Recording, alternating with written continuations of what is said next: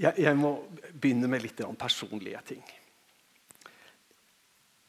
Jeg har denne helga hatt en sånn fantastisk helg.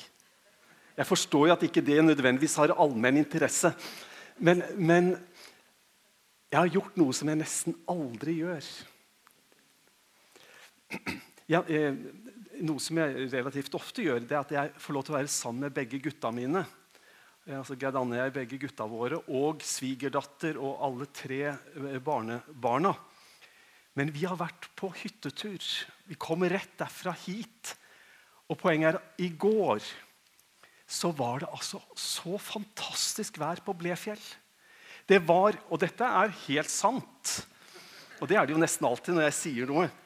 Eh, det var ikke en sky på himmelen. Og det var ikke et vindpust. Og sola, den varma.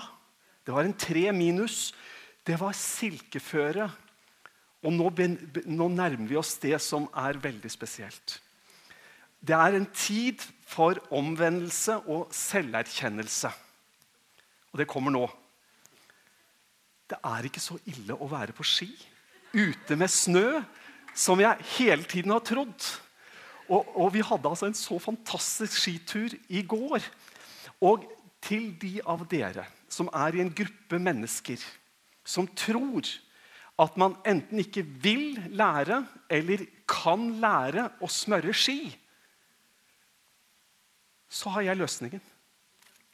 Løsningen den heter felleski.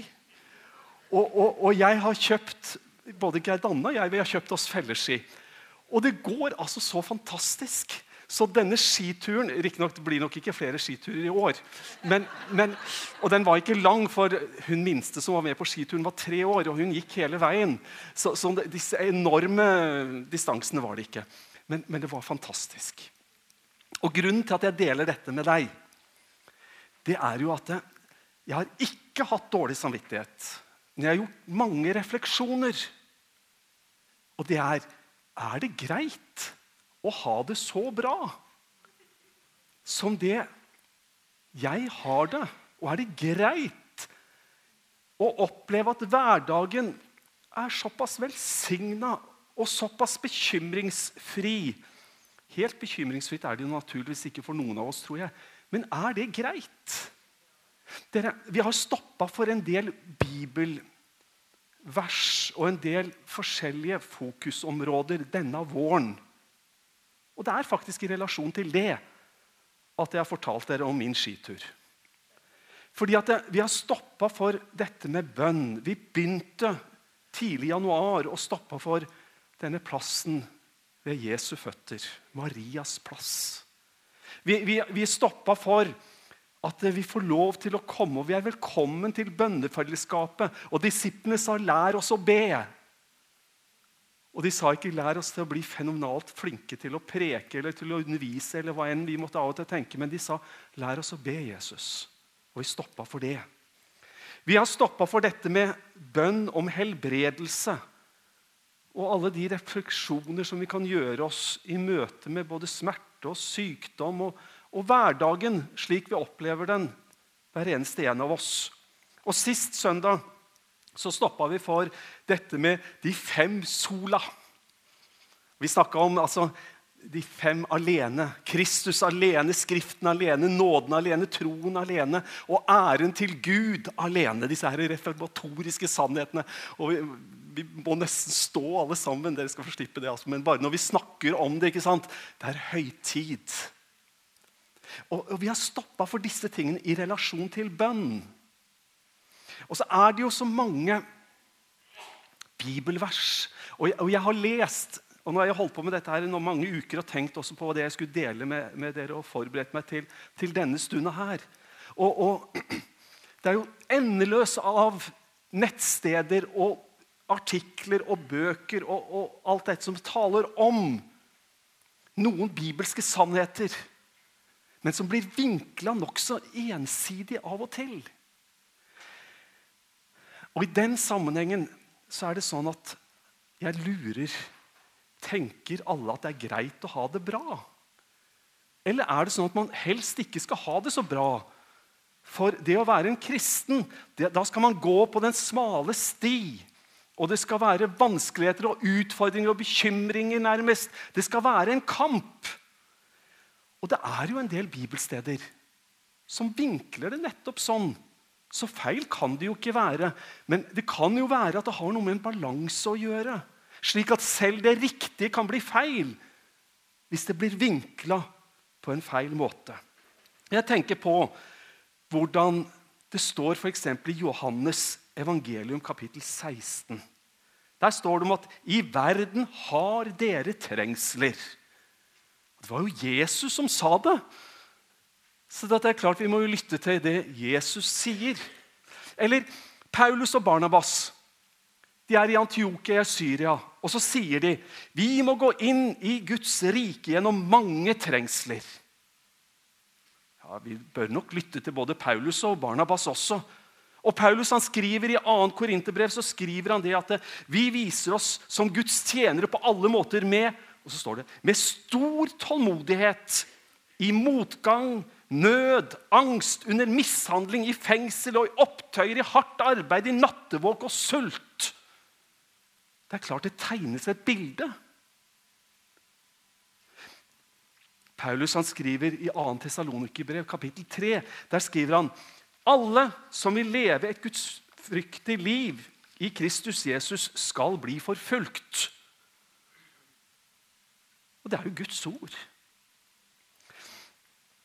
Det er i den sammenheng at jeg tenker, er det ålreit å ha en sånn weekend og et sånt liv som det jeg har? som jeg opplever er så fylt av Guds velsignelse og nåde og kjærlighet og godhet. Og Jeg syns ikke jeg blir forfulgt noe særlig, og jeg synes ikke det er så mye trengsel. Tvert imot så opplever jeg liksom hver dag å kunne si, kjære, gode Gud, takk for dine gode gaver. Og så tenker jeg, Er det en slags sånn lakmustest som er så enkel som det enkelte mennesker gjør den til? Når de sier at hvis du ikke opplever forfølgelse, hvis du ikke opplever denne kampen, så betyr det da er ikke ditt gudsliv riktig. Da har du ikke den gudsfrykten som du skal ha. For det står alle som vil leve et gudsfryktig liv i Kristus Jesus, skal bli forfulgt. Er dette en sånn lakmustest som gir oss det enkle, klare svaret? Du ugudelige menneske, du har det godt. Derfor er du ugudelig. Og så tenker vi at det er jo ikke det som er summen av disse bibelordene som vi leser. Du, jeg ønsker at jeg, meg, mine Jeg ønsker at vi skal ha det godt. Jeg ber om at Gud skal gi oss et godt liv. Og jeg tenker på mange måter at det må da være en bønn etter Guds vilje. For for vi har jo en del bibelsteder som sier det òg. Det er av og til sånn, jeg husker det var, det var en som sa det, Den eneste tidspunktet når en kristen er, er på riktig vei, det er når han er over fra den ene grøfta på vei over i den andre. Og akkurat i det der skjæringspunktet når man er på vei fra den ene grøfta til den andre, så er det bra. Og av og til tenker jeg det kan jo faktisk være litt sant i det, i hvert fall for noen at man har så lett for å gå ut til ytterpunktene. Og så slår man fast at sånn er det. Og så er bildet av og til noe mer hva skal vi si, komplisert. Eller en, med en større dybde enn som så. Du, Johannes, kjærlighetens apostel, han skriver, og han skriver da i tredje, i sitt tredje brev så skriver han til en kjær medarbeider som heter Gaius. Hør her. Den eldste hilser den kjære Gaius, som jeg i sannhet elsker. Min kjære, jeg ønsker at du på alle vis får være frisk og ha det godt. Like godt som du har det åndelig. Det høres ut til å være et bibelsk ønske, det òg. Og jeg tror ikke at det er en sånn utopia. Jeg tror ikke det er noe helt sånn hinsides det oppnåelige. Jeg tror Johannes skriver til en god medarbeider og sier jeg håper du får være frisk til kroppen din. Jeg, jeg håper du får ha det godt på alle måter. Jeg vet at du har det åndelig godt. Han bekrefter hans åndelige liv. Men selv om apostelen bekrefter hans åndelige styrke, så virker det ikke som at det er en automatikk i at han nødvendigvis har det godt på alle måter. Men Johannes tillater seg å komme med et fromt ønske og med en bønn om at det skal være slik. Jeg ønsker at du i alle deler skal ha det godt.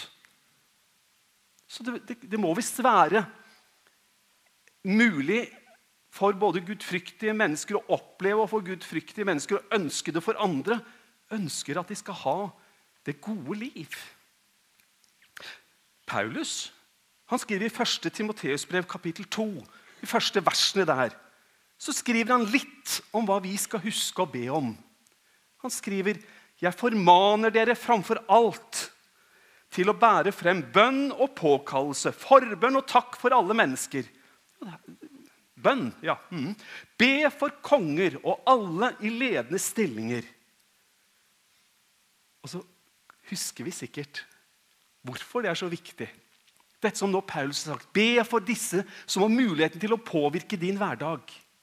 Be for de som bestemmer landets lover og regler. Husk på å be for de.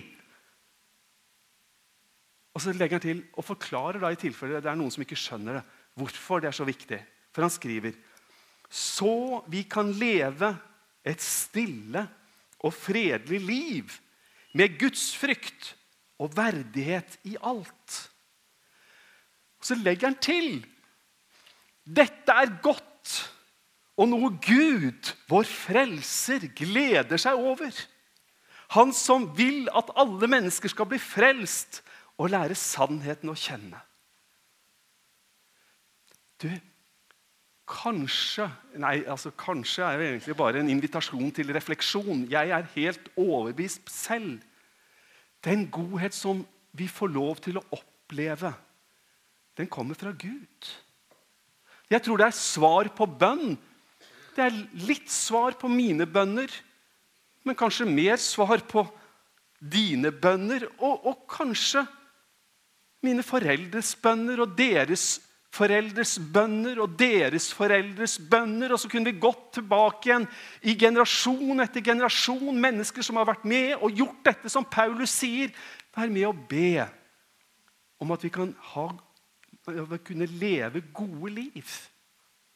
For da blir det jo ikke det å ha en god helg og et godt liv noe som vi skal føle dårlig samvittighet for. Da blir det jo tvert imot noe som vi skal takke Gud for og gi Gud ære for. For godhet, det tror jeg alltid kommer fra Gud. Forfølgelse og vanskeligheter og smerte.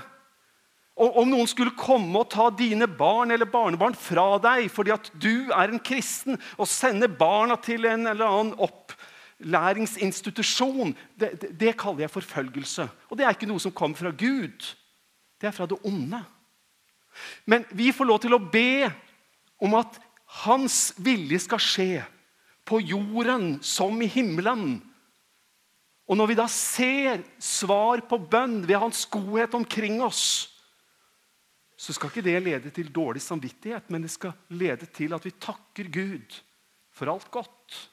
Og så kan vi kanskje legge til en bønn som står der i ordspråkene, muligens kapittel 30, hvor, hvor ordspråkens forfatter skriver La meg slippe. Dette, dette, er viktig for meg, legger han til når han begynner å skrive. Men, men la meg slippe å bli veldig rik. Og la meg slippe å bli fattig. Men la meg få lov til å spise mitt tilmålte brød. Og så er det noe med den takknemligheten over at disse tingene som Gud gir, ikke skal føre til at vi mister fokuset på giveren og blir mer opptatt med gaven. Jeg tror det ligger noe i det. Men du, når vi snakker om dette med det gode liv Jesus Når, når han ser utover den enorme folkemengden og han ser at de er sultne De har vært hos han tre dager. Disiplene sier nå må du se oss få sendt de av gårde så står det om at Jesus sa til disiplene at vi kan ikke gjøre det. Vi skal ikke sende dem av gårde. Og så står det at Jesus sier, 'Jeg synes inderlig synd på folket'. Det var Jesu måte å tenke på. Han ser mennesker som er i nød. Hvor, hvor stor grad av nød det var, det står jeg er jo ikke sikker Men de var sultne, de trengte mat. De hadde vært der en lang tid. Og Jesus syntes synd på dem. Jesus ønska at de skulle ha det godt. Og vi vet hvordan Jesus gjorde dette mektige underet. Jeg tror vi kan få lov til å be til Herren med frimodighet. Og når vi snakker om bønn, og vi snakker om hva vi skal be om, så tror jeg vi har lov til å be til Han om at Han skal hjelpe oss til å få gode liv. Og Da tenker jeg at vi som en menighet, når vi ser tilbake på virksomhetsår og vi ser tilbake på alt hva vi måtte gjøre Jeg tenker Vi som menighet vi har en oppgave. Og det er å være med å hjelpe mennesker til å leve gode liv. Og da er det ikke materielle ting, det er ikke timelige ting som kommer først. Men å hjelpe mennesker å leve gode liv. Dere, For å være helt personlig Jeg har møtt mennesker som jeg har opplevd vanskelig å nå inn til når det gjelder samtale om enkelte bibelske spørsmål. Og det er enkelte bibelske spørsmål som virkelig er vanskelig, så jeg ønsker ikke å stå her og, og, og si at alt er så lett. Men for eksempel, jeg har møtt mennesker som jeg har hatt vanskeligheter med å nå inn til når det gjelder et spørsmål som f.eks. skilsmisse og gjengifte. Hvor, hvor, hvor, man har sånne enkle for meg i hvert fall, enkle svar på kompliserte spørsmål. Og så har jeg sagt at men jeg føler jeg har en oppgave i å hjelpe mennesker til å leve gode liv. Og et godt liv, det er et liv i fellesskap med Gud. Men det er et godt liv i fellesskap med andre mennesker. Det er et godt liv i vennskap og fellesskap å få oppleve både respekt og hjelp og oppmuntring og en veiledning som er fullstendig omslutta av Guds kjærlighet og godhet og Den hellige ånds nærvær. Og ikke bare teorier med enkle svar på vanskelige spørsmål uten et hjerte som er nær, og som er opptatt av hvordan har mennesket det. Og Jeg kunne tatt så mange eksempler. Det var bare helt tilfeldig. som jeg kom på akkurat nå. Men det å hjelpe mennesker til gode liv Du, Disiplene de fikk en oppgave. og vi, vi, vi tar av og til og åndeliggjør den oppgaven så kolossalt. Og så skaper vi en del problemer knytta til det, for vi ser det ikke sånn i vår tid. Disiplene fikk en oppgave. De skulle gå ut, drive ut urene ånder og helbrede all sykdom og plage. Og denne fantastiske utfordringen som disiplene fikk, gjør vi av og til til bare et problem. At vi ser at ikke alle mennesker blir helbreda. Derfor er vi liksom ikke i den nytestamentlige tradisjonen eller har den kraften som de skulle ha. For vi ser sykdom rundt oss.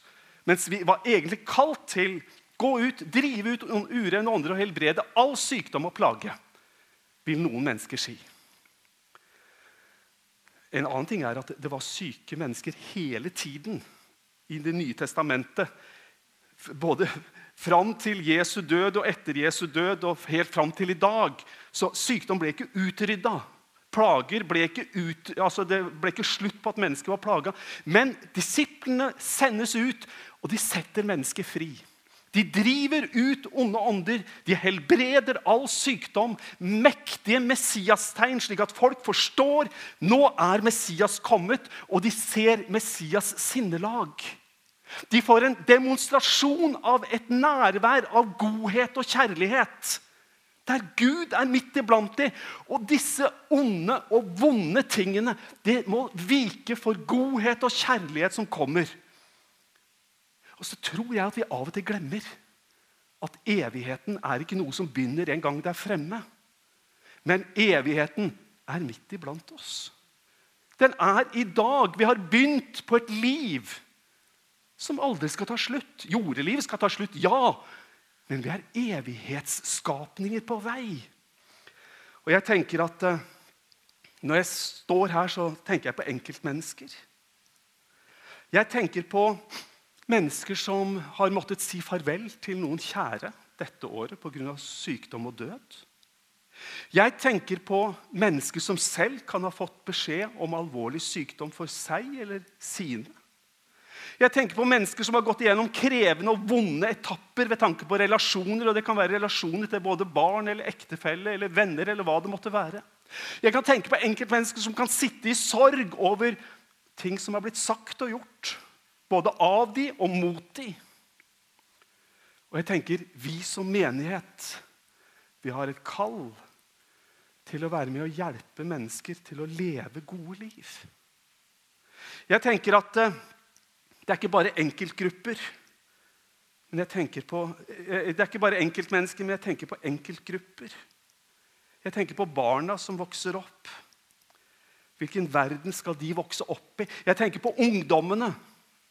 Ungdommer som vil bli sett på som rare hvis det at de skulle stå fram og si at vi tror på et seksualliv bare innenfor rammen av en livslang forpliktelse. Er du gal? Er den reaksjonen som de, så mange av de vil få. Jeg tenker på foreldregenerasjonen som så ofte sitter med fortvilelse. Dere, jeg, jeg, jeg, snakker med mange mennesker, og jeg opplever å høre hvordan de sitter og de bebreider seg selv over at de klarte ikke å være bedre foreldre. Jeg tenker på eldre mennesker som sitter med den samme følelsen. At vi svikta på så mange områder. Og Sånn kan vi sitte hver eneste en av oss med våre ting. Og så er vi som en menighet, og så er vi kalt til å være med å hjelpe mennesker til å leve gode liv. Og så er det jo sånn at gode liv det har en begynnelse, det har en forankring. Det har, det har, ja, det har virkelig et fundament. Og gode liv, tror vi, det begynner med gudsrelasjonen. Det begynner med å få fred med Gud. Og så skal vi hjelpe folk videre. Vi, vi, skal hjelpe folk til å få fred med Gud og en trygghet på Guds nåde og Guds frelsesverk. Og Så erkjenner vi at det, at det kan være en lang bit videre med mennesker.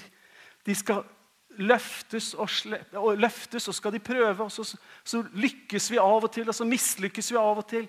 Og så skal vi hjelpe folk videre til å leve et godt liv. Det er noen som er utålmodige. Jeg fikk et brev for ikke så lenge siden av noen som sa at nå vil jeg slutte i tabernaklet. Jeg vet ikke hvem det er, for det var anonymt. Og, og, og grunnen til dere er altfor ja, Hvis jeg skal gjengi det eh, helt fritt Dere er altfor tålmodige med mennesker som ikke får livet sitt opp og stå sånn som det skulle være. Jeg vil ikke være i en sånn menighet. Ehm, jeg vet ikke om det var en medlem eller om bare vedkommende ikke ville gå her mer. for at det var et eller annet sånt. Så tenker jeg ja, ja, Gud velsigne deg, den som skriver det. Men jeg, jeg tror jeg, jeg tror jeg ønsker å være i en menighet hvor vi hjelper mennesker. Jeg, jeg, jeg, ønsker å være i en menighet hvor vi kan se mennesker falle, hvor det ikke er et glansbilde. Men vi kan se mennesker som, som sliter. Og så skal vi være der med Jesu Kristi sinnelag og hjelpe mennesker til å få et godt liv. For jeg tror jo at når disse bibelstedene som jeg begynte med Når disse bibelstedene taler om både forfølgelse og vanskeligheter, så er det en advarsel om hvordan ondskapens krefter ønsker å få det. Ønsker å rive ned. Tyven kommer for å stjele. Men Gud, han kommer bare for å gi. Han har bare gode gaver, og vi ønsker å fremelske disse gode gaver. Vi ønsker å fremelske denne, denne viljen til å være med å oppmuntre, oppgløde hverandre til kjærlighet og gode gjerninger. Være med å oppmuntre, vise inderlig kjærlighet, uforbeholden uten å få noe tilbake. Men bare gi. Jeg husker jeg hørte et radioprogram for mange år siden. Jeg har aldri glemt det. Det var en psykolog som talte om barneoppdragelse og talte om situasjoner hvor, hvor foreldrene fullstendig hadde mistet kontroll over ungdommene. Det, det, kunne være så mange ting. Og så husker Jeg jeg husker jo ikke alt, så det kan være en miss, at jeg ikke husker hele bildet. Men sånn jeg husker det, så sa den psykologen at du kommer til et punkt da du som forelder Det eneste du kan gjøre, det er å bare skuffe på med kjærlighet og kjærlighet og enda mer kjærlighet. Når, når, når, når de riktige, rettledende ord ikke når inn, og når alt er sagt som kunne vært sagt, så er det bare én ting foreldrene kan gjøre i sånne situasjoner. Det er ikke å la seg manipulere. Det er ikke, det er ikke å, å, å, å, slutte å være forelder og, og leder. Men det, det, er, det, eneste man kan gjøre, det er å bare skuffe på med enda mer kjærlighet. Og jeg har tenkt på det så mange ganger. Både når det gjelder i, i, i, alle områder, men også når det ble sagt, men jeg har også tenkt på det i menighetssammenheng. At det er noen ganger vi har et kall Det er å med å skuffe på med kjærlighet. Så får vi legge ting i Guds hender. Og så får vi vise Jesu Kristi sinnelag. Han som ga og ga. Han som satte mennesker fri. Han som kunne se på dem og synes inderlig synd på dem. Han som bygde opp. Han som var i de mest forunderlige steder og lot seg kritisere opp og ned av det. Men som var der og jeg tror jeg vet hvorfor. Jeg er helt sikker på at jeg vet hvorfor. Og det uttrykkes om den treenige Gud egentlig. Når Johannes skriver, og jeg skal avslutte med å sitere det bibelord For så høyt har Gud elsket verden, at han ga sin sønn, den enbårne, for at hver den som tror på ham, ikke skal gå fortapt, men ha evig liv. Det er den kjærligheten som gir, fordi man har et mål. Det er mennesker som skal bygges opp. Og de skal bygges opp til å leve gode, harmoniske, fredfulle liv. Derfor er bønn om disse tingene og det å forstå viktigheten av disse tingene Derfor er det så viktig for oss. I Jesu navn. Amen.